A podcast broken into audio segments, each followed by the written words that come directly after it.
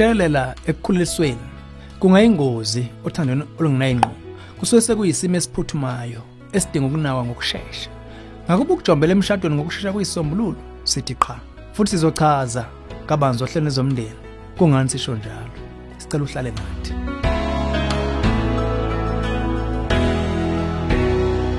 angikubengelele ezomndeni uhlelo lakho lokulethela izeluleko eziphathekayo ngaba ka focus on the family. Sike sabuzwa isiluleko lakho insizwa ikhulelise ingodusi yayo ithele insizwa. Ngiqhubeke ngishade nentokazi yami eyithwele. Ubudlane bethu sebe ngobuhle kodwa kaze kuphele kimi kusesiyoba ndawonye impilo yethu yonke. Lokhu kuguqula sonke isimo. Izobe nakele ikhulisa ingane futhi nami ngithanda ukuba nesandla sami. Lentokazi isanezimo eziyintaba empilweni yayo. Lokho kwenza ngibone kusesekuseni kuba sishade. Abanye bona bangikhuthaze ngiqhubeke ngithembise. Nithini nina ngokwesiluleko? Phambi kokuba sishutho sithanda ukukushaya ihlombe ukufuna ukumela utalatiyo soliqalile njengamanje. Njengoba kubuke ukuthi okokuqala uyasemukela isinqumo owasenza sokukhulisa lentokazi njengoba uyimisela ukuba nesandla enganeni ekukhuliseni kwayo. Njengoba sewuzalisile nje kusemqoko ukuba ube serious ngokuba ngubaba ke manje. Udinga ukuthola umsebenzi makuya ngoba awusebenzi njengamanje. Bese ukhipha ingxenye enkulu eyakumama wengane nengane. Kumele futhi ukhande isikhathi ngokuyinikela sokuba ubaba. Yebo lokhu kusengabukisiseka ncanye uma kungukuthi lentokazi ikhetha ukuyohlala kwenye indawo yokukhulisela khona umntwana. Udinga ukuqaphela mayelana neluleko oyithole kwabanye abangani bakho. Ukushada akusona isisombululo esingikuxhamazela ngokuthi ulungisa lolu telatiya lwakho. Ukuxhamazela kuyathukela kusebenza empilweni.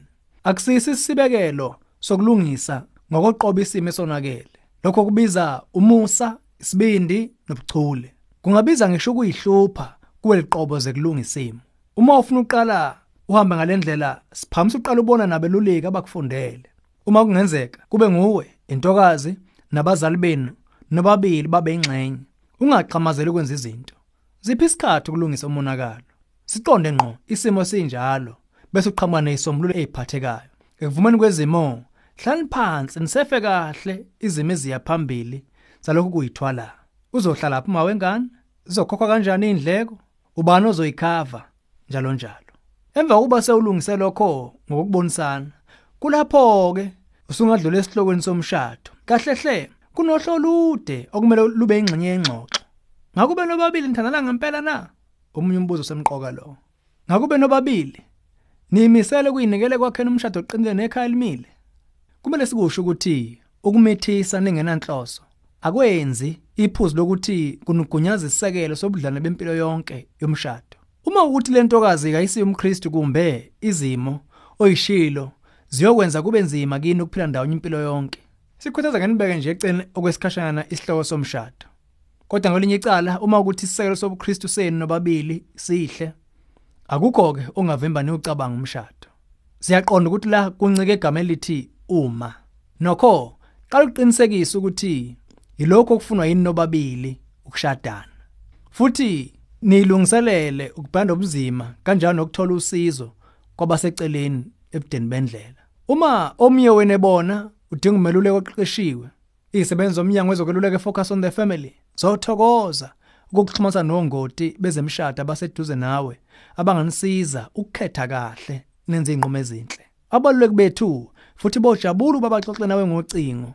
Sicela ukuba usishale ku 031 716 3300 kumbe ungene ku safamily.co.za